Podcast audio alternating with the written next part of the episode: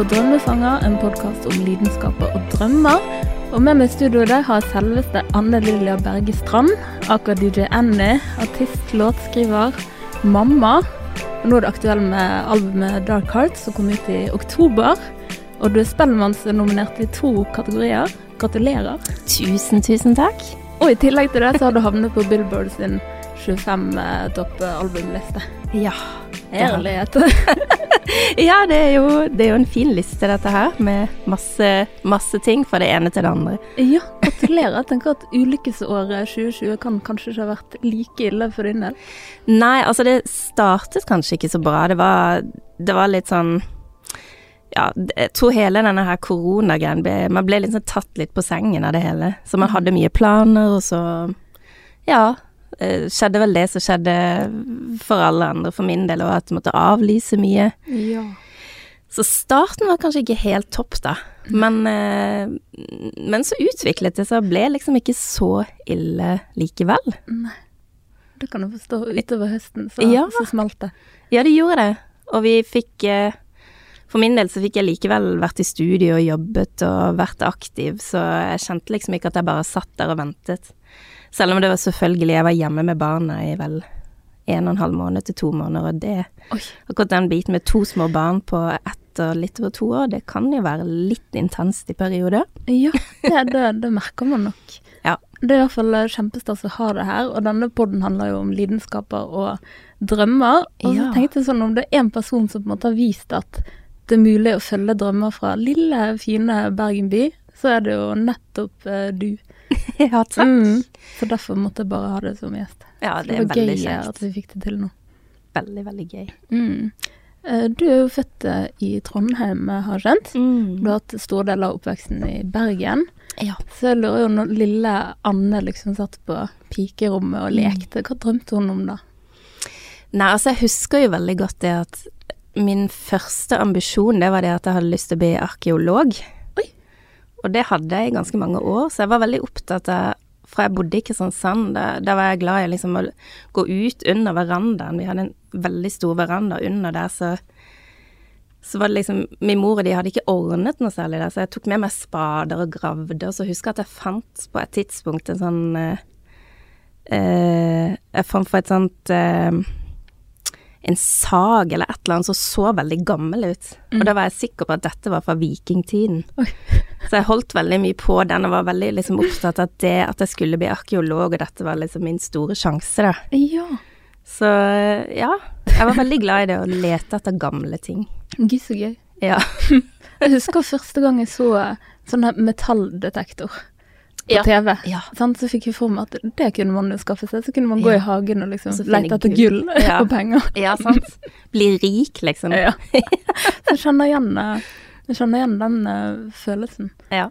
Um, men ja, det ble jo ikke arkeolog av deg? Nei, det ble faktisk ikke det, selv om jeg har noen i familien som er arkeolog. Og jeg husker jeg var litt sånn, var innpå at kanskje jeg skulle prøve å finne ut hvordan man faktisk kunne bli arkeolog. Mm. Så ble det ikke det. Så ble det til ja, at min neste drøm var nå det at jeg skulle bli frisør, sånn som alle de andre jentene i klassen. Mm, ja.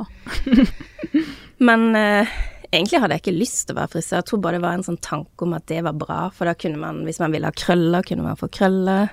Mm. Eller man kunne farge håret. Ja. uh, og det ville liksom ikke koste så mye. Nei. Men så var det min tredje ambisjon var jo det at jeg hadde lyst til å bli popstjerne. Ja. Og det, det, var jeg veldig opptatt av. Jeg, hadde, jeg husker jeg hadde en kassettspiller. Jeg er såpass gammel at jeg hadde faktisk en kassettspiller. Mm. Og jeg pleide å ta opp mye jingler og sånn. Ja. Så jeg hørte på uh, Jeg hørte på Eastenders, det var en sånn engelsk TV-serie. Mm. Og den hadde en vanvittig fin jingle, og jeg husker at jeg tok den opp og hørte på den om og om igjen, jeg levde meg så inn i det. Det var helt sånn Oi. intenst. Og sammen med at jeg pleide ofte å ta opp liksom jingler fra TV, da. Ja. Som, som, bare gjorde så inntrykk, og jeg kjente bare åh, dette var det Men dette er jo helt vilt, for du har jo oppnådd den drømmen. ja, altså, jeg må iallfall si at jeg har, jeg har iallfall Jeg tror min eh, svakhet og styrke er at jeg var vanvittig sta. Mm. Så jeg tror jeg liksom bestemte meg for at jeg skulle lage musikk, og jeg skulle gi ut plate. Mm. Og det, det gikk jeg for, og det fikk jeg faktisk til, da. Det nailet du. Ja, faktisk. Det er, jo, det er egentlig det vi skal, skal, snakke om i dag. Ja. Um, men for de fleste så ble jo du kjent sant, på slutten av 90 til 2000. Mm. Um, og du var jo på en måte en del av den der bergensbølgen, da. Mm. Hvordan, hvordan startet på en måte musikkarrieren din? Nei, altså, jeg spilte jo først eh, Jeg husker jeg drev og skrev Først skrev jeg masse dikt og sånn, så jeg var veldig opptatt av ord og, og rytme, på en måte. Og eh, ja, jeg kan ikke akkurat si at det var noe særlig bra det jeg skrev, men jeg skrev mye. Og så eh, husker jeg at jeg Så begynte jeg i et eh, Begynte vi Satt vi sammen et indieband, da, Ja. som het Suitcase. Suitcase, ja. Ja. Og eh, da var vi vel sånn fire-fem stykker som spilte i band. Ja. Og holdt på lenge og var egentlig veldig ambisiøse. Mm. Var dette venner av deg, eller? Ja, Ja. Det var venner av meg og folk. Det var ei veldig god venninne av meg. Mm. Og så var det tre stykker som Jeg kan egentlig ikke helt huske hvordan jeg møtte dem, men jeg vet at de var veldig sånn musikkinteresserte folk. Mm. Så vi øvde da en gang i uka med dette bandet. Og så skulle vi spille der, det var noe som het Eggstokkfestivalen. Så jeg Ja. tror senere Det heter noe annet nå som jeg ikke er helt sikker på. Ja. Men det, for- Men det heter det lenge, da. Ja. Mm. Husker den. Og der tror jeg kanskje vi skulle spille, men så var det en eller annen teknisk feil, så alt gikk bare rett vest. Og så plutselig, altså var det en dag der da kom liksom resten av bandet, og to av de hadde sagt ja, nei, nå har vi lyst til å begynne å gjøre trip-hop. Ja. Og da var jeg liksom nei, fy faen, det gidder jeg ikke. Nei, da, da, eh, da splitter vi opp her nå med en gang. Da går jeg solo. Ikke interessert. Ja, da går jeg solo, rett og slett. Dette vil jeg ikke med. Så jeg tror kanskje det var liksom starten på min sånn eh, eh, Først litt sånn ensom og litt sur, og så fant ut at nei. Ja, det, det å lage musikk alene var kanskje, kanskje en god idé likevel. Ja. Da kunne man på en måte ja, jobbe litt med sine egne ideer, da. Mm. Hvor gammel var du på denne tiden? Altså, jeg tror kanskje at jeg var rundt sånn eh, 21-22, Oi. noe sånt. Og jeg ga jo ut The Greatest Hit, var, var jeg vel 24 år. Ja. Så eh, Og alt tok jo litt tid, husker jeg. Mm. Så eh, det var litt som jeg jobbet med The Greatest Hits, og der møtte jeg jo Tore Koknes, så jeg begynte å jobbe litt med han. Mm. Og han jobbet jo fra før med sine ting. Mm. Så eh, Og så begynte vi å jobbe sammen, så det var liksom sånn det utviklet seg. Ja. Mm. Hvis jeg har skjønt riktig, så kunne begge to på en måte gå sammen under navnet Annie etter Ja, hvert. ja, eller Ja. Annie, da. Ja, Annie. Ja, det var liksom det, altså vi jeg vet ikke hvorfor det ble sånn, men det var vel noe med at vi gjorde The Greatest Hit, og vi valgte å kalle det Annie. Mm. Men det var, det var kanskje noe med at produ produksjonen var ganske stor, ganske sterkt, så det var naturlig at det var oss to, da. At det ikke Mm. bare var meg, liksom. For det var ikke Jeg kjente ikke på at det bare var vok en vokalist, liksom. Det var like mye en produsent og en Mm. vokalist og låtskriver. Og hvordan liksom utviklet eh, dette her seg videre liksom til at folk begynte å legge merke til musikken din? Nå var kanskje første gang du, du la merke til at andre hadde begynt å legge merke til din musikk. Ja, altså, jeg husker jo veldig godt vi eh, Det vi gjorde, var jo det at jeg, vi hadde en kamerat som het Mikael Telle, som Ja. drev et plateselskap som het Telle Records. Mm. Og han syntes The Greatest Hit var veldig stilig låt. Han hadde nettopp begynt, startet Telle Records og hadde gitt ut eh, Han hadde vel gitt ut en syvtommer faktisk med Tore, da, som Ja. da produserte The Greatest Hit. Og så eh, hadde han gitt ut en med røyksopp. Ja. Så jeg tror, hvis jeg ikke tar helt feil, at eh, The Greatest Hit enten var den tredje eller fjerde utgivelsen på hans label. Ja. Og, eh, og han var veldig sånn på at dette her var en, dette var en god låt, dette var en, kunne bli ganske stort, da. Mm. Tror han- du det sjøl? Nei, jeg syns det var Altså, jeg syns det var fengende. Det syns jeg gikk liksom Når vi hadde skrevet den, var det sånn at jeg kjente at ja, det var Det hørtes bra ut, men utover det så var det ikke liksom Jeg var mye mer ambisiøs, tror jeg, med det mitt forrige band, Suitcase, enn med starten av Annie, liksom. Det var, Ja. det var mer litt sånn man visste ikke helt hva Ja. som skulle skje. Men så trykte han vel opp, tror jeg, kanskje 500 syvtommere, og, og fikk liksom sendt av gårde da forholdsvis fort til forskjellige produsenter. Mm. Og det var liksom da det begynte, for jeg ble helt sånn superentusiast. Altså, dette var helt fantastisk. Det var helt sånn legendarisk låt, sa de sånn veldig tidlig, da. Mm. Og eh, det var jo ingenting man hadde forventet, så man ble litt sånn tatt på Ja, det kom litt ut av det blå, men var jo veldig, selvfølgelig veldig gøy. Mm. Så da gikk det vel kanskje ikke så altfor lang periode fra den var ute, til man liksom begynte å få litt eh, tilbud om plateselskap som kom. Og, Ja.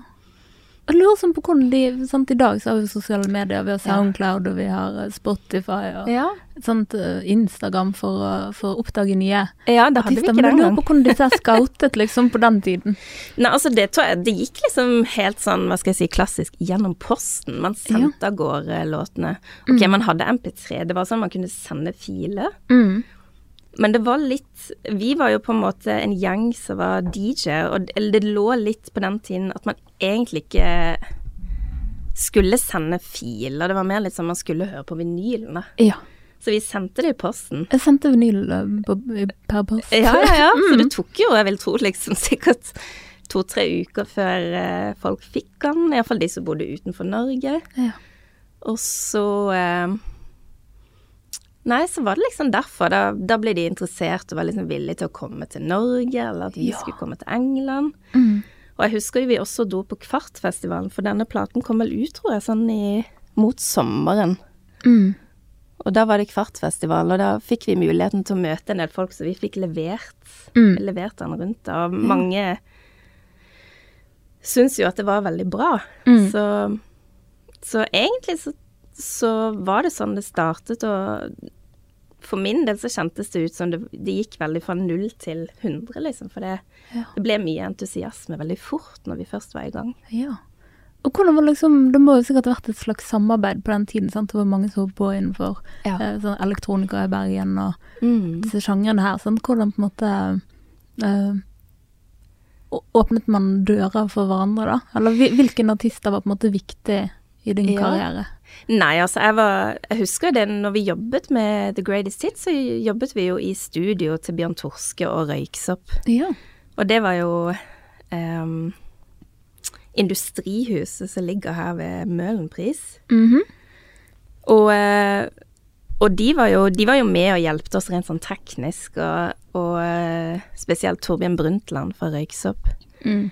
Så både han og Svein var jo en veldig stor eh, inspirasjon og veldig eh, viktig, tror jeg egentlig, både for Tore og for meg. Mm. Og Tore jobbet jo veldig tett med Bjørn Torske, Mm. så han var jo veldig Han er kul. Ja, han er veldig kul fyr.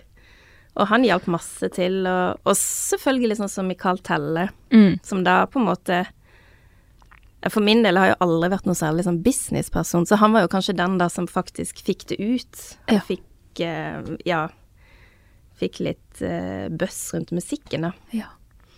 Gøy. Men på den tiden så Og det syns jeg nå egentlig Bergen på mange måter er fortsatt, så var det veldig sånn at man eh, Tore jobbet jo for eksempel med Kings of Convenience, Ja. og, eh, og de var med og sang på en av hans låter. Og eh, en av de som var med i Ralph Myers, spilte mm. trommer på noen av hans låter, og han var med, liksom. Det, det var veldig sånn at man hjalp hverandre og, Ja. backet hverandre opp og Nydelig. ja, jeg syns det Det var veldig fint, og, og veldig åpent, kan du si. At selv om du hadde mange purister som var veldig inne på musikk og veldig sånn 'det er riktig, det er ikke', så var man likevel åpen og, og ville hjelpe hverandre, da. Mm. Og prøve nye ting òg, kanskje. Ja, absolutt. Mm. Pushe hverandre litt, liksom. Ja, Mm. det var veldig lå veldig sterkt Ja. i liksom Hva skal jeg si Kulturen i det man holdt på med, da. ja. Mm. Skjønner jeg kommer skikkelig sånn nostalgisk i modus nå. Ja.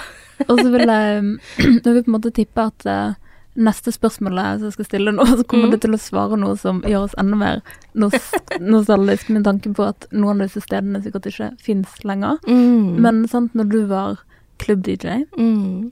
Hun spilte rundt omkring, altså hvilke, hvilke klubber i Bergen var det du likte å spille på? Nei, altså det var Jeg syns Bergen har vært litt sånn Det har vært eh, Det har gått veldig sånn i bølger med når det er klubber, og når det ikke er klubber. Mm. Og jeg spilte jo på et, på et tidspunkt hvor det var mye som skjedde, f.eks. på Kaffe Opera. Ja. Da var det veldig Det var mange, mange arrangement, det var mange DJ-er, det kom folk fra Du hadde liksom Basement Jacks, store artister som kom og spilte, og Mm. kunne spille på opera og, Ja. og Kvarteret, for den saks skyld. ja. Eh, men jeg spilte en del på Kaffe Opera, og så ble jeg booket til eh, resident DJ på, på et sted som het Agora i sin tid. Ja. Det var egentlig den jeg tenkte på. Ja, Mm. ja så der eh, startet jeg en klubbkveld som het Pop till you drop. Mhm. Sammen med ei veldig kul dame og god venninne av meg som heter Kjersti Blitz. Mm. Vi var vel en Jeg tror kanskje vi var en av de få, iallfall, eh, kvinnelige DJ-ene som spilte i, i byen da. Iallfall så hadde et eget konsept på den tiden. Det var ikke sånn at det var så mange av de da. Nei. Så eh, vi startet da Pop Till The Drop, og det var også sånn vi booket masse artister. Så vi hadde Peaches som kom fra Berlin, og, og eh, ja, masse kule band fra Oslo, fra Tyskland. Mm. Ja, og dette hadde vi én gang i måneden. Og vi hadde alltid mye snop, så det var alltid folk kom for å prøve å få folk til å komme tidlig. Mm. Og popkorn. Altså det var alltid mye, hva skal jeg si, mye rot, mye snop, men veldig bra stemning, da. Vi hadde okay. Silje Hegg Heggen som hjalp oss mye med å lage en del bilder og design. Altså det så ganske kult ut òg. Okay. Så du hadde visuals, liksom? Ja, ja, ja. Gøy. Mm. Nei, så det var, det var veldig inspirerende, og var på en måte med å skape et litt sånn sterkere, hva skal jeg si, miljø for Mm. vår del, da.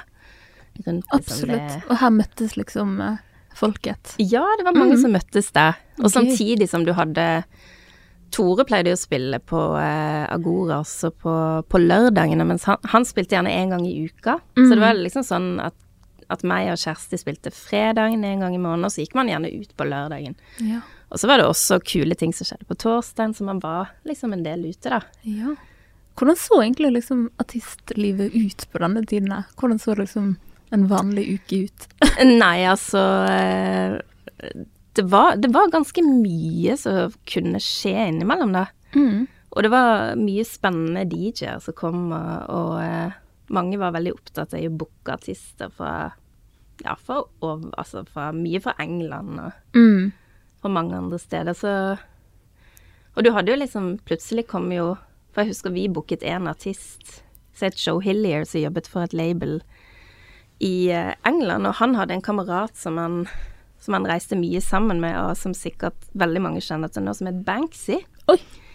Uh. Så plutselig kom jo han da på kvelden vår, eh, og, eh, og var liksom hang ut med, med oss der og dansa, og, Ja. og, og da dro rundt liksom i Bergen og sprayet rundt. Ja, Og, dette er den berømte historien om de bildene på gården. ja. Ja, Så det var liksom på vår kveld han først og fremst kom, da, så det er litt Ja. vittig. gøy. Det er jo kjekt å ha hatt en finger med i spillet der. ja, ja, ja, absolutt. Mm. Eh, Du nevnte jo um, Kroknes, da, eller Erot, som Ja. var din daværende kjæreste, Mm. som, som dessverre gikk bort. Mm. Og da lurer jeg på en måte på, når dere hadde laget så mye musikk eh, sammen, Mm. hvordan ble det da å skulle liksom fortsette uten han å lage musikk? Jo, det var nettopp det. Altså, det, det tok jo en periode før jeg kom ut med albumet mitt, da. Mm. Fra når jeg ga ut Greatest Hits, og eh, så ga jeg ut en singel som heter I Will Get On. Mm. Og, og noe av det var jo egentlig For Tore ble jo sykere, han var liksom innlagt i ett og et halvt år. Mm. han ble veldig syk til han gikk bort. Mm. Og i løpet av den peri- perioden så var det litt sånn Han sa jo det at ja, nå bør jo du jobbe med andre artister og sånn, men det hadde ikke jeg så lyst til. Mm. Um, og det lå litt liksom i, i kort at det var meg og han som skulle jobbe sammen, så jeg var veldig sta på det. At nei, han skulle ikke Mm. Det var vi som skulle gjøre dette albumet, da. Så når man på en måte innså at det ikke kom til å skje, så Nei, jeg må si det var veldig, det var veldig tøft, da. Det var veldig tøft å liksom bare um, Det var ikke det at jeg ikke kunne gjøre noe alene eller gå videre, men det var mer bare det at jeg syns han, han var så vanvittig flink og hadde en veldig eh, egen måte å produsere på, Mm. som jeg på en måte hadde eh, var veldig klar for at sånn skulle det være. Det skulle være Mm. ja, meg og han da, som skulle Ja. gjøre dette albumet. Ja. Så nei, det var Det var kjipt og vondt og, og bare måtte liksom Ja. Mm. Måtte innfinne seg med at sånn var det, da. ja. Det var det. Når man går gjennom et sånt stort tap, da, Mm. mister man på en måte ja, kreativitet, inspirasjon til å, til å fortsette?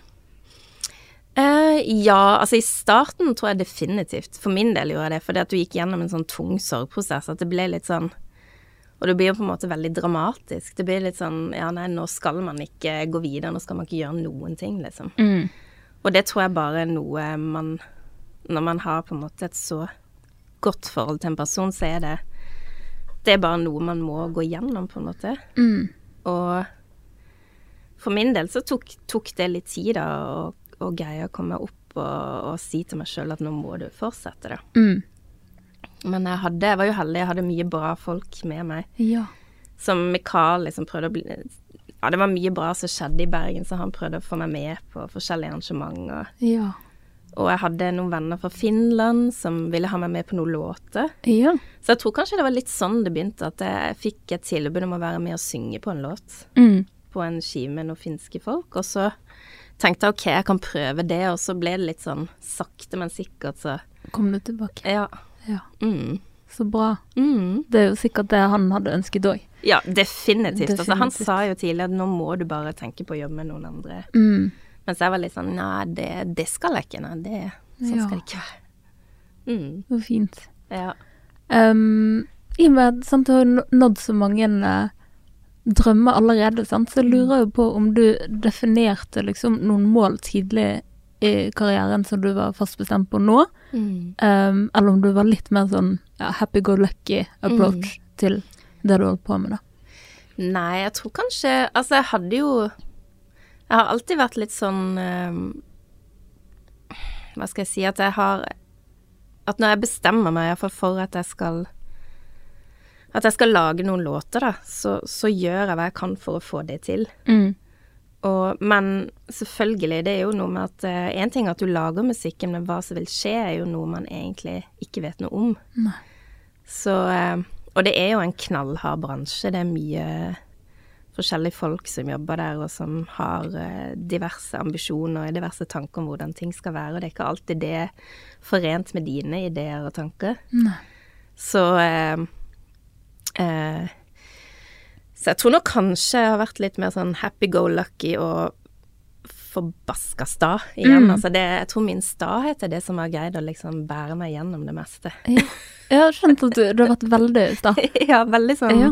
Dette skal jeg gjøre. Mm. Når jeg bestemmer meg for det, så, så er det lite Jeg føler det er ikke mye som kan stoppe meg der og da, da. Nei. Men hva som skjer, altså det er jo noe du aldri kan vite. Det, Mm. Det er jo sånn som man er i denne situasjonen med korona. Altså, Ja. Man kan jo gjøre, man kan lage hva som helst, men når det kommer til f.eks. å skulle spille live, eller Du blir jo stoppet, for det, det er faktisk mer Mm. eller mindre nesten ikke mulig, da. Ja. Mm. Men da tenker jeg den staheten, for du har jo fulgt eh, en vei som er um, Hva skal man si, det er jo kanskje ikke den tryggeste veien å gå, sant? Nei. Jeg vil jo tro kanskje sant, din mor eller alle Ja. andre rundt deg kanskje har sagt Men ja, dette kanskje kunne vært en sidegreie, Ja, ja. og så heller hatt en annen sånn Stabil hoved, jobb. stabil jobb, Mm, sant? Mm. Men hvordan har det vært? Altså, har du blitt oppmuntret og støttet, eller har folk prøvd å hindre denne Altså, jeg, hadde en veldig, jeg har jo hatt en veldig kul mor, da.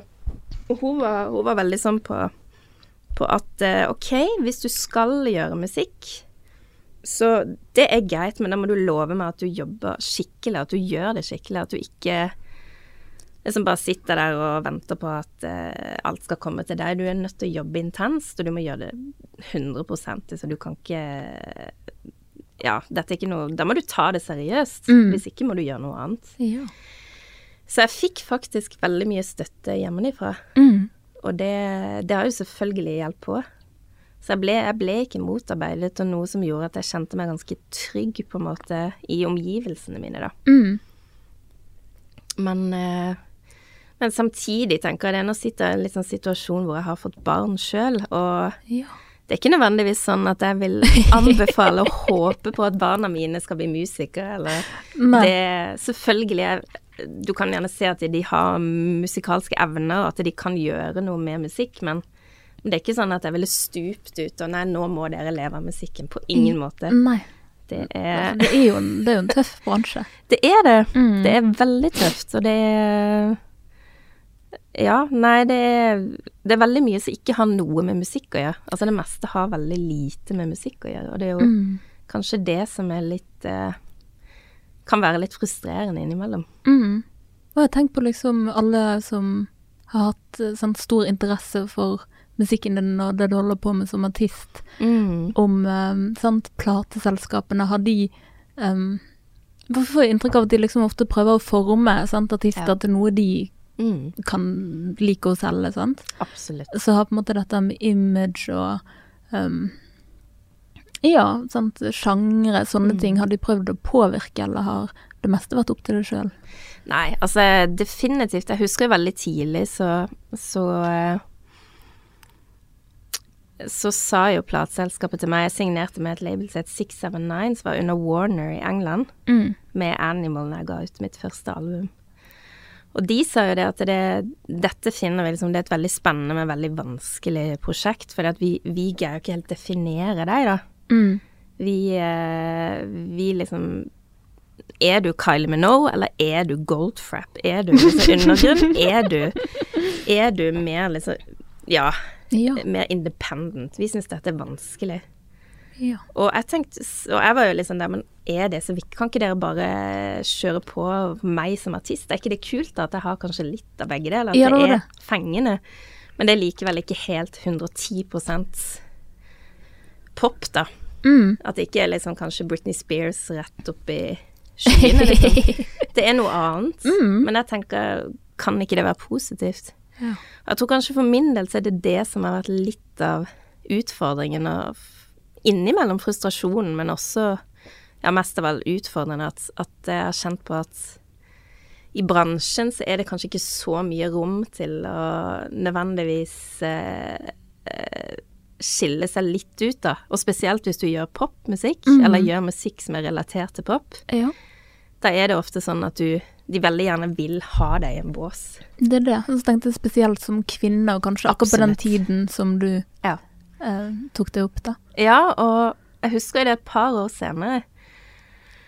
Da liksom begynte det å komme artister som Lill Boots og La Roux og, og um, veldig tøffe damer så på. Da var det en del som sammenlignet de med meg, og det, var, det begynte liksom Du så liksom det at det begynte å bli mer åpent for at man kunne gjøre poprelatert musikk på en litt annen måte. Mm.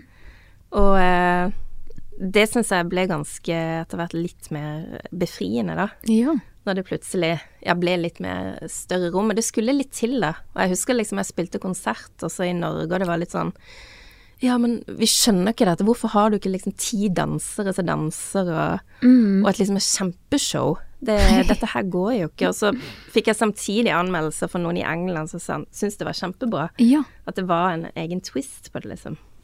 Så Nei, det har, det har jo ofte vært en utfordring, men det er jo liksom da man bare kanskje Da er det kanskje den staheten er bra, for da må man bare tenke at man kjører på, og så må man bare prøve å overbevise folk om at dette er noe som folk kanskje kan like, selv om det ikke er.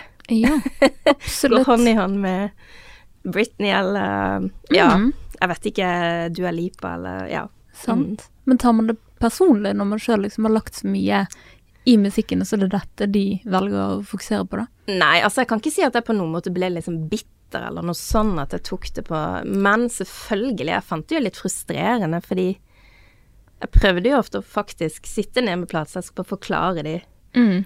hva jeg syns, hva jeg syns det var. Hva, hva, hvem jeg var som artist, da. Ja. Og, jeg, og samtidig følte jeg liksom ikke at det nådde frem noe sted, fordi at eh, Greia var vel at de egentlig ikke følte At de egentlig kanskje ikke passet inn noe sted på det tidspunktet. Mm.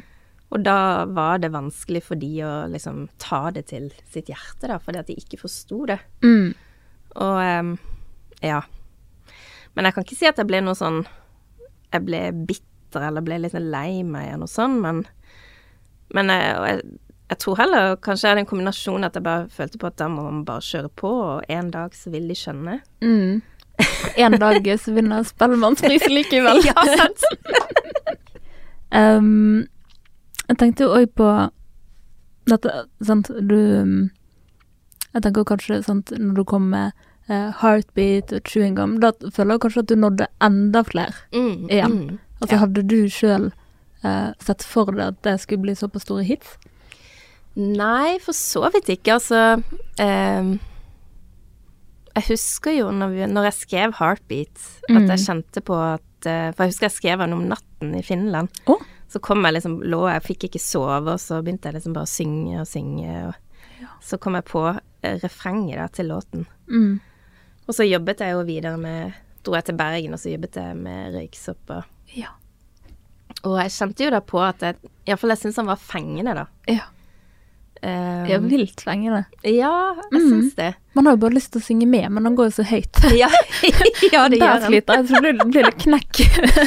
Ja, det er veldig vittig. Han er jo faktisk gitt ut på det Singstar Ja. Heartbeat, og jeg jeg har faktisk sunget til han sjøl. Og det er litt vittig, for jeg får bedre poeng når jeg synger til en låt av Kylie enn av min egen låt. Ja, Så han går høyt, han. han går veldig høyt. Mm.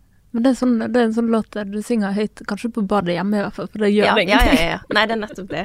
Da har det ingenting å si. Nei, sant. Uff. Og så, du flyttet jo til Berlin på et tidspunkt òg. Ja. Um, hvorfor valgte du å gjøre det? Mm. Nei, altså jeg tror det var en kombinasjon av flere ting. For det første så så hadde jeg reist veldig mye i den perioden jeg reiste mye og gjorde mye spillejobber både i USA og England og ja, i Europa, mange steder. Mm. Og så jeg kjente vel kanskje litt på at, jeg, at Bergen var litt lite. Ja. Og at eh, Altså, jeg hadde jo bodd der i noen år, og Og samtidig så ble jeg eh, Så ble Så tror jeg at Ja, jeg bodde i en leilighet, og jeg husker at plutselig så skulle de gjøre det om til et hotell. Oi. For jeg leide, jeg leide bare. Mm. Jeg fikk liksom beskjed at nå må du ut på et tidspunkt. Ja. Og da var det litt sånn ok, men da må man finne noe annet. Og så fant jeg ikke noe annet sånn umiddelbart. Så, så, så sto det en annonse, jeg fikk en mail fra noen sånn kunstnere sånn i Berlin, Mm. at de hadde en leilighet som var ledig. ja. Ut av det blå? Ja, helt sånn ut av det blå. Ja. Vi vil at du skal bo her, liksom. Nei, nei, det var noe sånn at de sendte det rundt til folk. Ja, altså, okay. Jeg vet ikke hvordan de hadde fått min adresse. Ja, for tenk at det var veldig sånn targetet. Ja. Hvis de bare Hun! Ja, vil ja, ja. Her. Hun skal bo der. Nei, Mm. jeg, jeg vet ikke helt hvordan det skjedde, må jeg innrømme. Det, det må jeg nesten finne ut. ja. Men jeg endte iallfall opp noen uker senere bare dra til Berlin da, og sjekke ut den leiligheten. Oi. Og så var det jo et fantastisk område. Det var en gammel leilighet, men det var sånne store, fine vinduer, og det var oh. kjempestort og helt nydelig. Det er den storbydrømmen. Ja, Mm. så da fant jeg ut ok, dette må jeg bare hoppe ut i. Ja. Og så, eh, ja, så dro jeg tilbake til Bergen og pakket sakene mine og, og flyttet da noen uker senere. Mm. Mm. Var det lett eh, avgjørelse å bare ta sånn? Det var egentlig litt spontant, selv om jeg hadde fått litt sånn eh, På grunn av at jeg reiste veldig mye, så tror jeg jeg var litt ferdig med Bergen. Mm. Og det var også godt å komme seg litt vekk. Ja. Også fordi man har opplevd mye der, og det var litt sånn altså Mm. Det kjentes riktig ut å på en måte starte noe nytt, da. Ja. Så eh, eh, Og så syns jeg, jeg må innrømme, jeg er veldig, veldig glad i Berlin. Jeg syns det er en kjempekul by. Og ja. det Og for musikken og inspirasjonen må jo sikkert ha vært bra å bo der. Veldig, veldig. Det er mye bra musikere som bor der, og det er mye som skjer, mye kultur. Og, Ja. og veldig åpent og, og veldig sånn eh, avslappa, da. Mm. Og så er det ikke så dyrt som det er i London og New York og Nei, det er sant. Mm. Men hva, hva- hva gjorde du på der? Eh, Da mistet jeg det litt av radaren, liksom. Ja, for hva du holdt på med når du var der borte. Ja, nei, altså jeg begynte jo eh, Først så skrev jeg veldig mye. Jeg var i en periode også veldig mye dopendlet en del fra Berlin til England, så jeg jobbet mye i et sted som het Kent, og skrev med en gruppe låtskrivere som het Xenomania. Mm. Og der skrev jeg liksom for artister som De skrev nå for Pet Shop Boys, jeg skrev for mye sånn yngre, veldig unge artister på gjerne under 18 år, liksom. Ja. Um, Gøy. Så, ja, så jeg endte opp å skrive en, en låt som ble veldig stor for et jenteband som het Mini-Viva. ja. I Left My Heart in Tokyo. Mhm. Som jeg egentlig skrev for meg sjøl, men som jeg ikke kjente på funka for min del. Mm. Så den ble brukt av de. Og så skrev jeg jo en for Kylie som hun likte veldig godt sjøl, men som ikke ble brukt av henne Mm. av produsentene, bla, bla, bla, bla. Mye styr. Ja, Um, ja egentlig Minogue, sant? Ja. Mm. Wow. ja, det var veldig gøy. Mm. Det er Så, kult. så man satt liksom der og fikk muligheten til å skrive da, veldig mye spennende ting, selv om det var mye som ikke ble brukt da, at du på en måte skrev kanskje Ja. tre-fire låter i løpet av en uke, og ja. Var disse som hadde jobbet med Girls Aloud, da? Ja, det er de som egentlig er Girls Aloud. De skrev Ja. alt for Girls Aloud. Aha. Ja. Gøy. Og Sugar Babes. ja. Ja. Mye for Sugar Babes. Ja, for det er mye likhet der med de to Ja, det er det. gruppene. Det er sant, det. Så det gir mening. Mm. Men jeg har tenkt på det det skulle jeg egentlig komme til, men vi kan jo bare ta det nå, liksom. Når, når man skriver for Ja, når man skriver for andre artister, men er artist Mm. sjøl, så tenker jeg det er vanskelig å gi det fra seg. Er det noen ganger at idet du gir låten fra deg, at du tenker ja, men dette kunne jo vært noe sjøl Ja. Ja, altså kunne gitt ut? Ja. Mm. Nei, jeg har kjent litt på det et par ganger, liksom. Men det vil kanskje mer passe det, dette, for meg. Mm. Og jeg tror innimellom så kjente jeg på at det var noe som var veldig bra, men det var liksom ikke Det er noe med at jeg tror veldig på at det er viktig at en artist, hvis du skal Iallfall hvis du skal gjøre det greit som artist, så tror jeg, det, tror jeg veldig på det der med at du må på en måte eie låten. Mm. At du Hvis du ikke har skrevet den sjøl, så må du likevel gjøre den til din. Ja. Og finne liksom din identitet i låten. Mm. Så det er veldig viktig at du gjør låter som passer for din del, da. Mm. Og, eh, og jeg tror ofte når jeg skrev da, så var det ikke alltid liksom at jeg kjente på at dette var helt meg. Nei. Og som også var veldig gøy, for det ga deg litt mer sånn frie tøyler til å Ja, ikke at du skrev helt fullstendig galskap, men iallfall at du, du ikke nødvendigvis bare skriver om noe som er helt sånn relatert til deg sjøl, da. Mm. Gjelder det sjanger og sånn òg? At du kunne på en måte Ja, forlate definitivt. din egen sfære? Ja, Mm. jeg vil si det at det kanskje Skrev kanskje noe som var litt mer i mine øyne, litt mer sånn rett frem pop, da. Ja.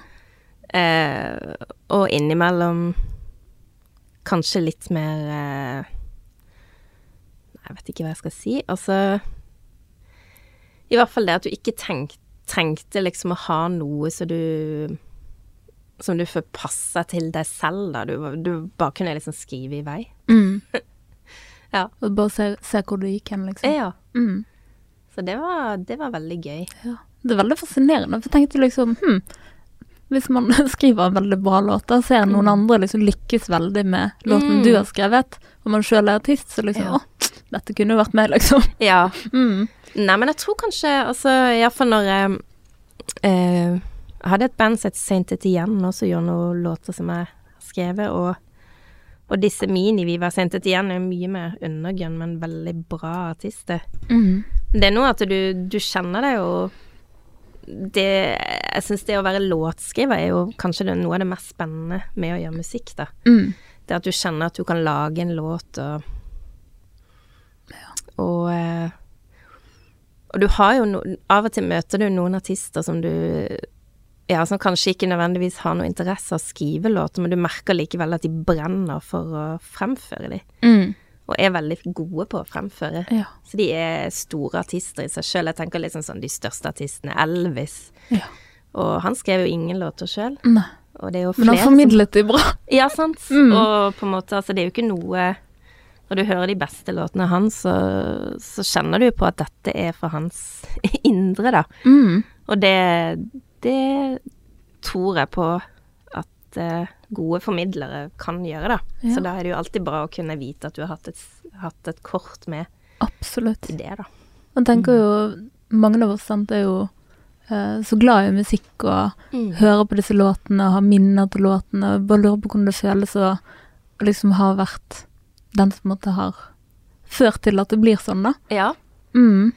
Nei, altså det, det var kanskje det jeg kjente på spesielt når jeg jobbet med Xenomania, som Altså, de hadde jo eksempel skrevet Cher sin låt 'Believe', som var Mhm. veldig stor. Så de hadde jo gjort vanvittig store ting. Ja.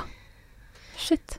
Og det å liksom bare kjenne på at du, du var med, på en måte, og, og eh, gjøre noe som førte til at flere artister kunne lykkes med noe, at du, du så den entusiasmen da, i Mm. alle som var der. Det var Ja. veldig fint å være en del av. Ja. Så Og ofte når jeg jobber med mine egne ting, selv om jeg jobbet faktisk med de, de produserte jo, var med å produsere mitt andre album, Don't Stop. Mm. så, så er det veldig fint også å kunne liksom bare være med og ikke alltid føle at du sjøl må For det er når du sjøl skal gjøre en låt, og du sjøl skal gjøre noe, så er det det er så mye som ligger bak. Det er liksom ikke bare det å gjøre låten. Det er som jeg sa, det er liksom hele businessen, hele liksom tanken med hvor du vil, og alt dette her. Ja. Mens når du skriver en låt, så er det på en måte litt sånn Alt du ønsker er å skrive en god låt, og så må resten av folkene rundt passe på at dette går i riktig retning, liksom. Ja. Så gir det kanskje en ekstra frihet, sånn sett. ja. Og jeg har skjønt at du er ganske kritisk før eh, sant? Ja. God, god låt er jo på en måte litt objektivt. Ja, jeg kan Men eh, sikkert for din del, sant. Ja. Før du tenker at låten er god nok til å slippes ut der. Ja, altså, jeg er veldig Jeg er veldig kritisk på mine egne vegne. Litt sånn For jeg, ofte når jeg kommer på melodier, så kan det oppstå bare Det er ikke nødvendigvis sånn at jeg setter meg ned og skal lage en låt, men det kan bare oppstå helt sånn av seg sjøl, på en måte. Ja. At du går rundt og nynner litt, og så plutselig kommer OK, nå tror jeg inne på noe som blir veldig bra. Mm. Så du må på en måte bare begynne å spille det inn. Men jeg har alltid hatt det litt sånn At det er veldig viktig at jeg på en måte Jeg må leve litt med melodien Mm. og med låten Mm. i hodet mitt. Og, og hvis jeg kjenner på at den ikke funker kanskje en uke eller to etterpå, at jeg ikke husker den uten å ha hørt på den, Ja. så føler jeg kanskje da er det ikke så veldig vits, for da er den ikke bra nok. Mm. Det er sånn sånn må- du tenker, ja. Det er litt som når du går på butikken og ser en fin kjole, og hvis du har glemt den dagen Ja. etterpå, så kjøper ikke du den, liksom. Ja, det er litt sånn. Kult. Ja, så jeg, så jeg er veldig Og jeg sier ikke at det er en formel på å lage musikk, men for min del så er det litt Jeg stiller iallfall det kravet til meg sjøl, at det må være en låt som jeg sjøl kan, kan Hva skal jeg si Huske og synes at dette her har noe verdi, da. Ja. For jeg syns jo også det, det Det er jo mye musikk, og du må jo gi noe bra til folk. Så de Mhm. får De må jo høre på god musikk.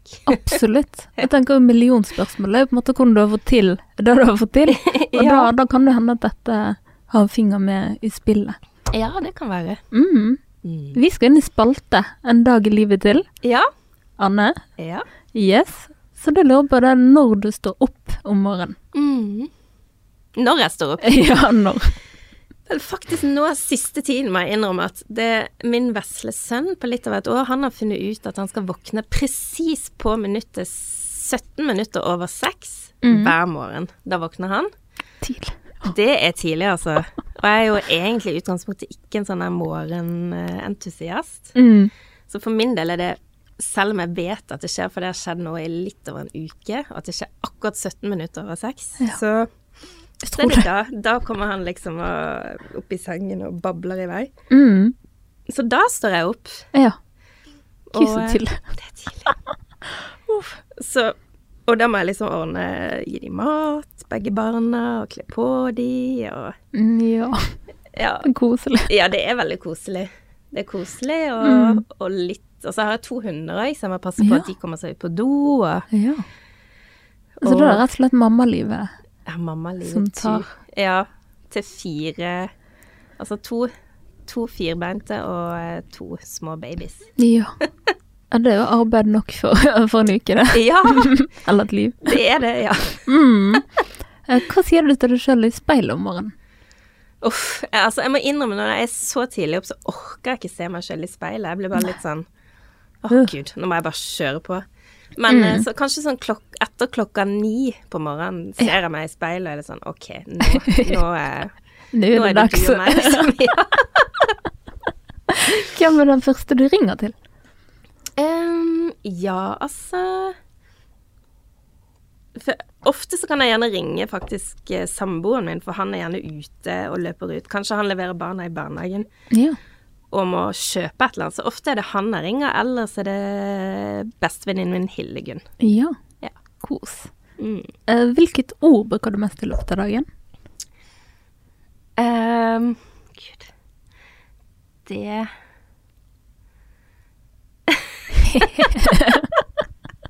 Jeg håper ikke det er noe sånn 'Å nei!'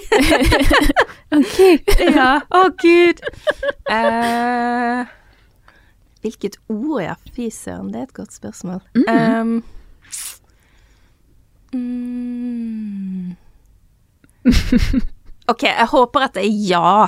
Jeg er liksom egentlig et ja-menneske, skjønner du. Ja. Ja. Jeg håpte det var Common Annie, men Ja, det var ikke sant. det. Ikke ennå. Snart. snart. Eh, Hva lager du til middag, og hvor er du når du spiser den, og hvem spiser du den med? Nei, altså i det siste så har jeg lagd ganske mye Jeg pleide ikke å gjøre det, men jeg lager ganske mye middag hjemme, faktisk. Mm. Og eh, sånn som i går, så lagde jeg pasta carbonada, er det det det heter? Mm. Ja. Nam. Ja, det er ganske godt. Og eh, Så det er liksom Samboeren min lager mye mat. Han er mye bedre å lage mat enn meg. Ja. Jeg er faktisk ikke noe særlig god i å lage mat. Jeg har noen retter jeg er ganske god på, Mm. men jeg er veldig kjedelig, så det er liksom de rettene Jeg skal invitere min venninne eksempel til middag på søndag, ja. og da tenkte jeg med en gang jeg skal, jeg skal lage jeg skal lage en sånn italiensk rett, men så fant jeg ut herregud, jeg tror jeg inviterte henne på den retten jeg vet ikke, de tre ganger før, liksom. Og nå tror jeg så woho, nå skal vi få besøk. Og så er det samme retten. Sånn, Gud, altså. Er det mulig å være så lite fantasifull? så jeg er ingen god kokk, altså. Nei, men det gjelder jo liksom å ha de få rettene man nailer, da. Ja da, det gjør det. Og så gjelder det å ha en samboer som er bedre å lage mat enn en sjøl, hvis en ikke kan det. Ja, absolutt. Var det noe du tenkte på før kom det sammen, eller? Jeg har faktisk vært ganske heldig. Jeg har hatt et par samboere, og de har i de aller fleste tilfeller vært mye bedre enn meg å lage mat. Ja. Så det ligger kanskje litt sånn, det er noe som jeg ikke får med meg, men når du velger ut en person, så er det sikkert noe i underbevisstheten som sier Ja. Ja. Trenger mat. du trenger, trenger en mann som kan lage mat. Ja. Da vet man hvordan man vinner hjertet til eh, Ja, sant? Anne, sant? Ja, Mm. virkelig. Mm. Hva gjør du på en fridag? Mm. Altså, hvis jeg har en fridag, så Jeg elsker å gå tur, altså gå gode turer, gjerne gå tur med hundene mine. Og da vil jeg også gjerne lage musikk. Altså, jeg kan gjerne synge sånn ellers, men det å kunne bare bruke mye tid liksom på å jobbe med låter, det syns jeg Ja. er kjempegøy. Så enda mer tid til jobb på fridagen. tid- Ja. ellers er jeg glad i å gå på utstillinger. Ja. Når man kan gjøre det, ikke så mye man kunne gjort det siste tiden. Ja. Og så bare henge ut med venninner og gå turer og prate om alt mulig. ja. Det høres ut som en drømmedag. Ja. Mm. Hvilke podkaster hører du på? Nei, altså nå siste tid Jeg må innrømme, det som er når du har to små barn, så får du nesten ikke tid til å høre på noe som helst. Nei. Så jeg har ikke hørt på så mye, men jeg har hørt en del på Kristine Danke sin. Ja. Og hun ble også snakket med nå nylig. Mm. Um, bra dame, selvfølgelig. Mm. Uh, og nå må jeg også høre på din. Ja. Men ellers så Jeg har liksom et par sånne musikkpodcaster jeg hører på. Ja. Uh, men veldig lite nå siste måned. Egentlig siste ett og et halvt årene. For da har det bare vært liksom Kids, og når de har lagt seg, er du så utslitt at du bare «Åh, Ja. ligger på sofaen og Ja. kanskje ser på TV, liksom. Mm. Jeg så Free Britney i går på TV, Ja. så det var ja. Det Mm. er hun eh, den eh, jeg, så, jeg begynte med Free eh, Britney på YouTube, og så ble denne Framing Britney på NRK. Mm. Ja. Og så prøvde jeg å skjønne om det var samme, Ja, ja, ja. Nei, det er ikke men det var ikke det samme. Nei, det var ikke det. Nei, Nei. nei. Det, det var det ikke. Nei. Det hørte jeg på altså, synkende og sånn, at det var noen andre stemmer. Ja. Nei, for jeg tror dette er den sånn New York Times skal ut på, som er på NRK nå. Ja. Ja. ja. Mm. Men du er helt uh, stakkars dame.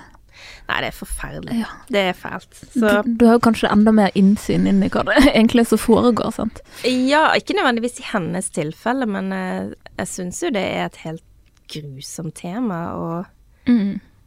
og eh, egentlig, når jeg tenker meg om, så har det jo Altså, du, du kan kanskje se Whitney Houston var jo litt i samme situasjon. Ja. Ble hun umyndiggjort?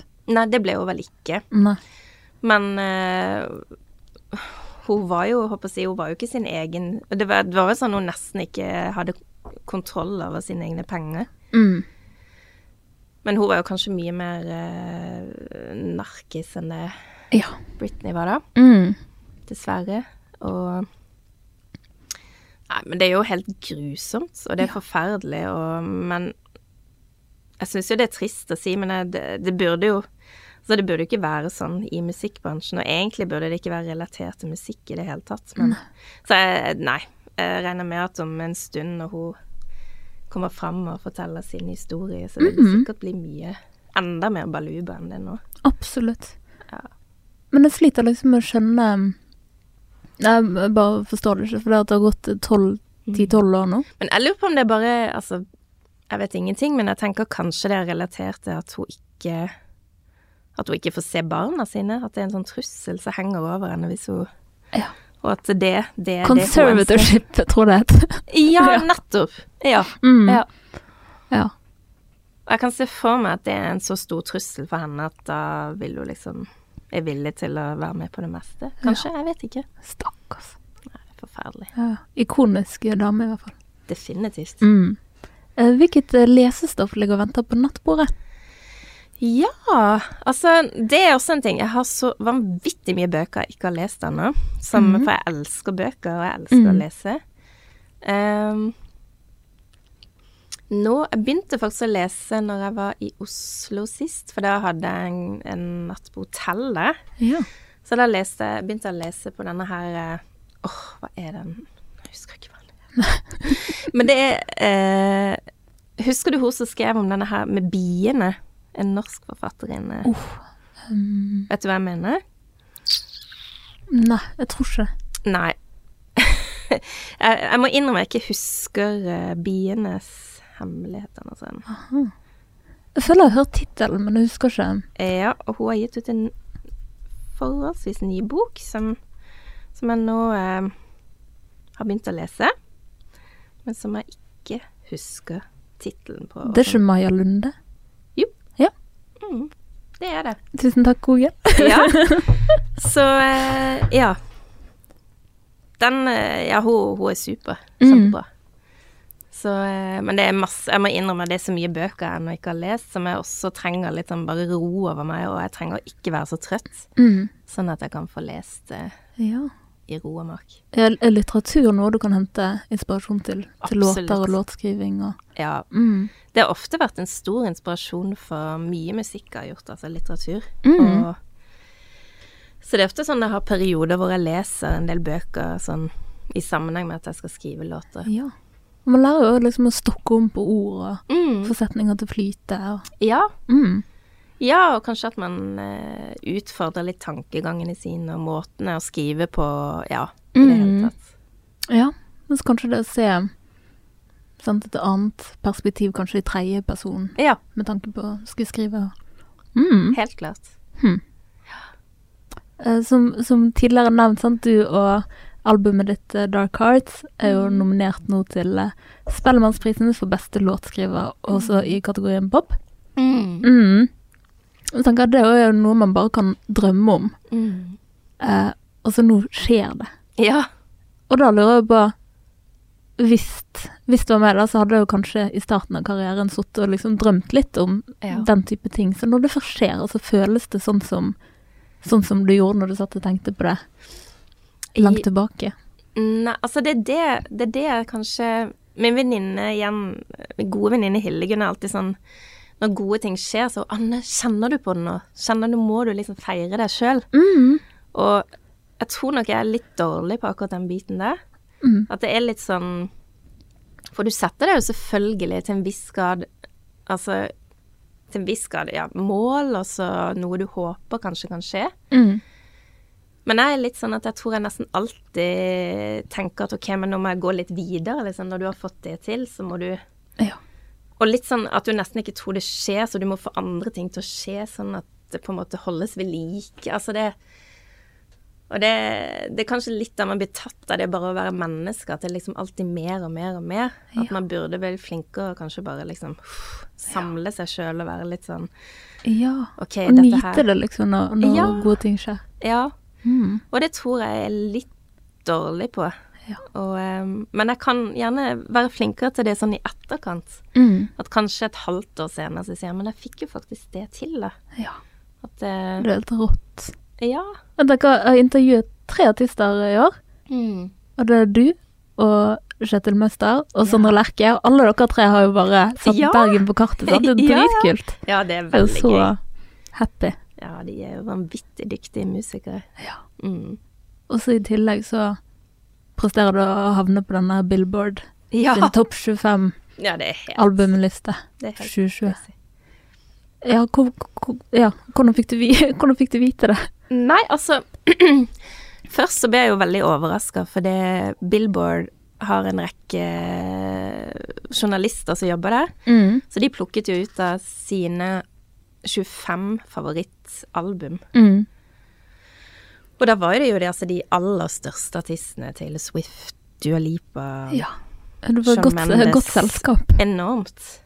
Og det tror kanskje det var meg og en finsk artist som heter noe med Anja eller et eller annet sånt, så var det liksom de to litt mindre, altså mindre artistene. Mm.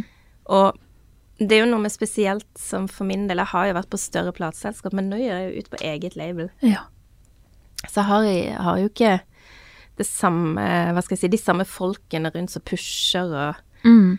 Så det kjentes veldig Ja, jeg var veldig overraska når de hadde plukket ut det albumet, altså mitt Ja. album, til å være et av de 25. Og så gikk det videre til leseren av Billboard, og så Ja.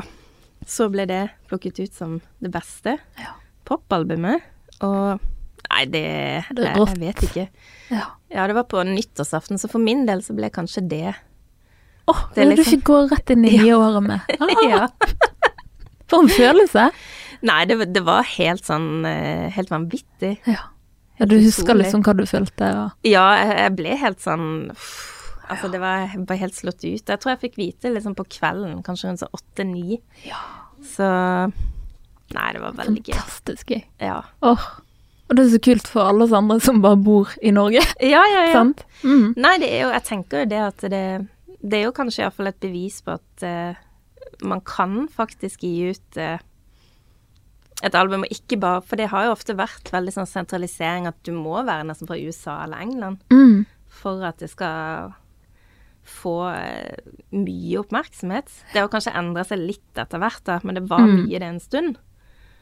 Og, og iallfall i mitt tilfelle hvor liksom Som jeg sa før, det, at jeg har liksom ikke Jeg har et par presseagenter. Jeg har hatt en i USA, jeg har hatt en i England, jeg har hatt en i Norge. Mm. Og et par sånn som har jobba litt for meg, litt sånn her og der. Men, men i det store og det hele så er det liksom meg og Stefan Storm og Michael Mikael Telle som har jobbet. Ja.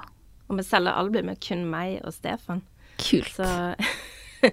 vi er veldig få, men det går liksom an å, å få ting til selv om man er Ja, selv om man ikke er så mange og Tydelig hvis man er flink nok, da. Ja, iallfall hvis man står på Ja. Ja. Det må være en fantastisk Bare tenk det å på en måte Jeg har aldri opplevd å liksom representere noe mer av meg sjøl sånn i Nei. nasjonal skala, sant. Nei. Men det må jo være en god følelse at liksom du putter Norge på kartet. Ja, Mm. Ja det, jeg syns det, det er veldig gøy, altså. Ja. Det er det. Mm. Kjempegøy. Gratulerer eh, igjen. Ja, takk. Og apropos, hva er liksom høydepunktet så langt i, i karrieren, vil du si? Mm. Nei, jeg syns det er litt vanskelig å si. Altså, jeg føler jo at jeg har vært veldig heldig som har fått mulighet til å Iallfall nå når jeg ser når man ikke har liksom mulighet til å reise så mye. Jeg tror kanskje jeg hadde kjent litt mer på en desperasjon hvis dette var mitt første album. Mm. Og at jeg hadde gjort det greit, at jeg liksom ville veldig gjerne komme meg ut, Mm. og jeg ikke hadde muligheten. Men jeg hadde mange forespørsler. Ja. At det på en måte bare visnet hen. Mm. Men nå har jeg vært veldig heldig og har liksom turnert mye, reist mye rundt Ja. og spilt Jeg har liksom spilt i Brasil for Ja. 10 000 mennesker. Det skal sies at jeg tror ikke alle de visste hvem jeg var, men de var veldig entusiaster, for det var en eh, festival, og jeg Ja. fikk spille der. Men å spille for mye mennesker eh, Ja. på bra steder er jo noe av det gøyeste du kan gjøre. Shit, å reise rundt. Du har vært i Japan. Ja, Ja. det er fantastisk. Japan er helt utrolig sted å spille. ja. Da har du fans. Ja, masse. Mm. Så- Hører du fra det Ja, altså, jeg får jo Jeg må jo innrømme liksom nå jeg har fått litt sånn du, Jeg får veldig mye meldinger, og mm. jeg fikk jo Jeg ga jo ut en låt som heter Antonio for et mm. par år siden, og den ble liksom med i diverse filmer og hadde en veldig sentral rolle i en film som heter Guest. -hmm.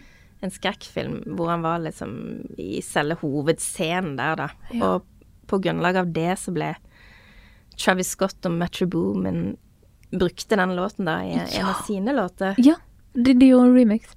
Ja, de gjorde Nei, de, ikke, de gjorde faktisk tok han med som et sample på albumet sitt. Men de brukte såpass mye at det, det høres nesten ut som hele låten min, og Ja. vokalen min er liksom hele. Og den blir brukt på en låt som da kom Albumet ble nummer én på Billboard. Ja, fantastisk. På Travis Scott er dritkul. Ja, han er helt Mm. fantastisk. Så eh, Og i etterkant av det, da, så tror jeg de har så mye fans som er liksom produsenter sjøl, så det har vært mye sånn eh, Altså unge hiphop-produsenter og produsenter generelt fra USA som Ja. har kontaktet meg. Å, så gøy! Sånn, ja, det er veldig gøy. Stilig. Ja. Hmm. Så Nei, det er gøy på en måte når, når, eh, når musikken tar en med til stedet man aldri ellers Ja. hadde drømt om å komme, da. Det er også på en måte samarbeid som man ikke så komme. Ja, nei, sant. Det er jo Jeg syns jo Travis Scott er fantastisk, men jeg hadde jo aldri sett for meg at, at dette her skulle skje, da. Ja. Apropos samarbeid, du gjorde et samarbeid med Bjarne Melgaard, av alle folk. Og Ja. han, var, han gjorde en vokal på din Ja. låt. Mm. Ja, Og så spilte dere en musikkvideo i New York. det gjorde vi. Ja, hvordan var det? Nei, Hvordan, hvordan kom det det samarbeidet til, liksom? Nei, faktisk det. Altså, han har jo Han har gitt uttrykk for at han tydeligvis har likt musikken min, da. Tidligere så jeg har hørt om det, og han har snakket litt om det i intervju og sånn. Ja, Så jeg visste det. Sånn at når jeg kom på Så var det Det var en periode i, i Russland Mm. Altså, det pågår vel fortsatt, men det var veldig mye Putin la opp til en sånn der eh, anti-homo-lov, Mm. at du skulle ikke være homofil i Russland. Og plutselig, hvor ting sik sik sikkert siden 90-tallet har vært forholdsvis åpent, Mm. Iallfall så åpent som det kan være, så ble det plutselig helt sånn låst at eh, Og du så mange homofile som gikk gjennom sånn grusomme Ja. ting og ble banka opp og eh, helt jævlige situasjoner. Frøset ut og ja, måtte mm. liksom gjemme seg helt vekk. ja. Og ja, i, i Basert på det, da, så lagde jeg en låt som het eh, Russian Kiss. Ja. Som var, base- som var inspirert av en låt som heter French Kiss. Ja. En amerikansk låt. Og eh, som på en måte handlet om da å, å være åpen for homofili og alt dette her. Mm. Og den eh, Så det var jo en protestlåt Ja. som jeg lagde. Og så kom ut da samme dagen så Sotsji-OL åpnet i, yeah. uh, i Russland. Mm. Og da tenkte jeg liksom, ja, når jeg skulle gjøre den, så tenkte jeg det hadde vært veldig kult å liksom få med Bjarne på vokal. Mm. Både fordi at han er en veldig sterk personlighet og en stor eh, og viktig kunstner, og, og eh, ja, homofil sjøl, da. Mm. Eh, så jeg spurte han, og han var veldig åpen for det, og så vi, vi snakket lenge om hva vi skulle gjøre i sammenheng med den Mm. videoen. Så lurte han på om jeg ville komme til New York, vi kunne gjøre en musikkvideo der. Gøy. Ja, og så var det en uh, kunstner der som het Richard Kern, Mhm. og han uh, Han ble da altså regissøren bak videoen. Ja. Så vi Og så fikk vi med masse bra folk fra New York som var med i videoen og stilte Ja. opp og Ja. Så det, det ble en veldig kul greie. ja. Var det masse kyssing? Det var det. Det var masse kyssing og masse homofile som sto og kysset og Ja, det ble faktisk ulovlig å Ja. vise den på YouTube. Det ble det, ja. Så det var mange som reagerte for det, for jeg husker, jeg husker Miley Cyrus hadde kommet ut med den der uh, Retching Ball, eller hva heter den? Ja, som var veldig Ball. sånn Wrecking Ball. Mhm. Som var jo veldig Altså, hun var Viste seg liksom med Og satt veldig under undertøy eller et eller annet. Mm. Og det var mange som reagerte på liksom, ok, du kunne vise den videoen, men du kunne ikke vise Russian Kiss på grunn av at det var flere som kysset, liksom, og kanskje kledde seg lett, men ikke så. Det var ikke noe ille, liksom. Nei. Så nei, vi så jo det at det var veldig mye reaksjoner på det, men samtidig var det veldig gøy da å gjøre noe så du kjente på hva, hva kanskje å vise en liten finger til, Ja. til, til noen der ute, da. Kult at du gjorde det. Følte du et slags ansvar da for å standpunkt? Ja, altså jeg kjente på at jeg ble litt forbanna over hele greia, og at jeg fikk da denne ideen, så kjente jeg på ok, dette må jeg bare prøve å få til. Ja. Så ja, Kult. kanskje ikke et ansvar, men mer bare at det var riktig å gjøre i den sammenheng. Mm. Mm. Det er så kult at det var dere to, da. Ja, det var mm. veldig gøy. Jeg tror ikke alle liksom får unt å ha han med Nei. på låten sin. Nei, nei, nei. nei, Nei. nei. Det- han er jo ikke noen vokalist, han var veldig liksom på det at han Nei, han var jo ikke Han var ikke vokalist, men jeg syns han gjorde det veldig bra, så det funket kjempebra. Ja. Kult. Ja. Så er det korona. ja. Må spørre litt om det òg. Hva Ja. gjør du på lockdown, liksom? Nei, altså mm, Nå er vi jo tilbake i lockdown, eller det vil si, nå åpner det seg vel litt etter hvert, men Mm. uh, Nei, for min del, altså Akkurat nå er jeg ganske glad for iallfall at barna har fått mulighet til å være i barnehagen, så man slipper å Både for de sin del, altså de har mye bedre å være sammen med andre barn og alt Mm. det der, og for min del at jeg får da mulighet til å jobbe litt mer og ha noen timer hvor jeg kan Ja. gjøre litt andre ting. Eh, nei, så, så Altså, jeg skriver Jeg sitter gjerne ned og skriver musikk. Skriver generelt. Ja. Og så har jeg bare gjort litt sånn businessing, tatt tak i ting som jeg, ikke, som jeg burde ha gjort for lenge siden. Ja.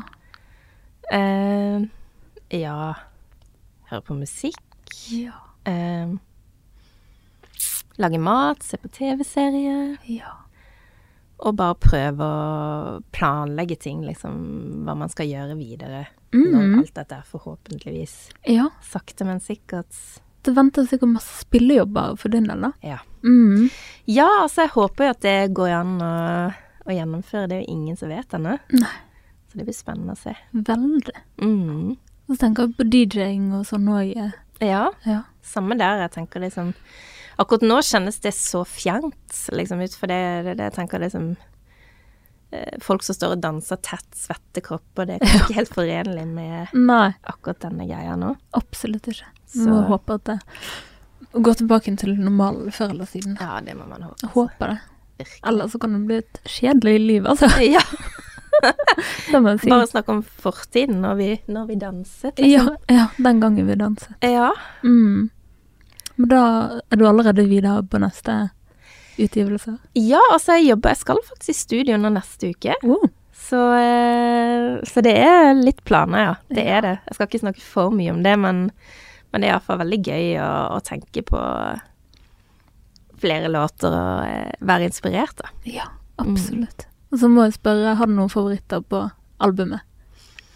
Ja, altså, jeg tror eh, min favoritt må være eh, Heaven. Ja. And Heaven Here With You. Mm. Og eh, Corridors of Time, tror jeg. Ja. Som er en ganske rolig låt. Ja. Begge er jo ganske rolige. Albumet er jo forholdsvis rolig. Ja. Så, men de tror jeg er to av mine favoritter. ja. Jeg så det var flere anmeldere som nevnte det at nå var det tatt, tatt noen hakk ned siden sist. Ja. Litt roligere og Mm. mm. Nei, altså, jeg, eh, jeg kjente jo på at dette albumet var jo ganske på et sett og vis litt konseptuelt, da. For vi, vi, vi hadde lyst, når vi møttes med Stefan, å gjøre et litt sånn filmatisk, rolig album. Lyttealbum. Ja.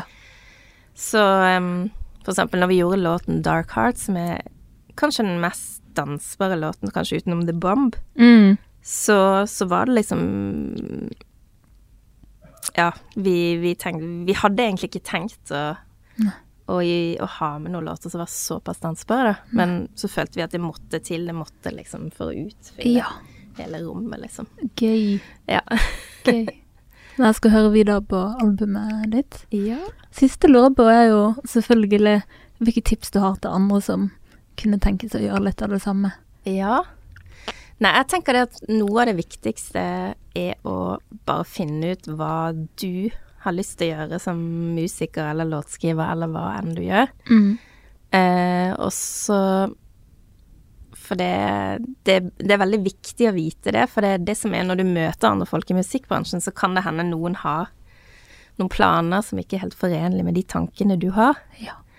Så jeg tenker at det er iallfall veldig viktig å prøve sjøl. Kanskje ikke nødvendigvis å lage musikk hvis du ikke vil det, men iallfall tenke litt over hva du vil, og hvorfor du vil det. Mm. Og ikke bare det at du vil bli kjendis. Og hvis det er bare det du vil, så kan du ende opp hvor som helst. Mm. Men uh, Så ha litt retning, rett og slett. ja, og være litt sånn sikker på hva du sjøl ønsker med å lage musikk. For det at bransjen er liksom så lite tydelig. Det, det, det er ikke liksom en formel. Nei. Og derfor må du vite litt i Ja. deg sjøl hva du vil, tror jeg. Ja. Ellers så tar vel de for seg. Ja, de gjør det, og du, Mm. ja. Og så er det mange som kanskje blir veldig skuffa etter hvert, for du går ikke i den retningen du etter hvert finner du har veldig lyst til å gå. Mm. Så jeg tenker at det, det er viktig å bare til en viss grad vite litt hva du vil, i hvert fall. Ja, Mm. godt tips. Det, det er nok mange som drømmer om, om det. Ja, det tror jeg. Mm. Det er nok. Tusen hjertelig takk som ville komme. Tiden Ja. renner ut nå. Skulle ønske du kunne vært der mye lenger. Jeg lurer Ja. egentlig på mye mer. Men tusen, tusen takk som ville komme. Ja, takk for at jeg fikk komme. Ja, og til du som hører på, hvis du vil følge Drømmefanger, så kan du følge oss på Facebook. Der heter vi også Drømmefanger. Tudelu.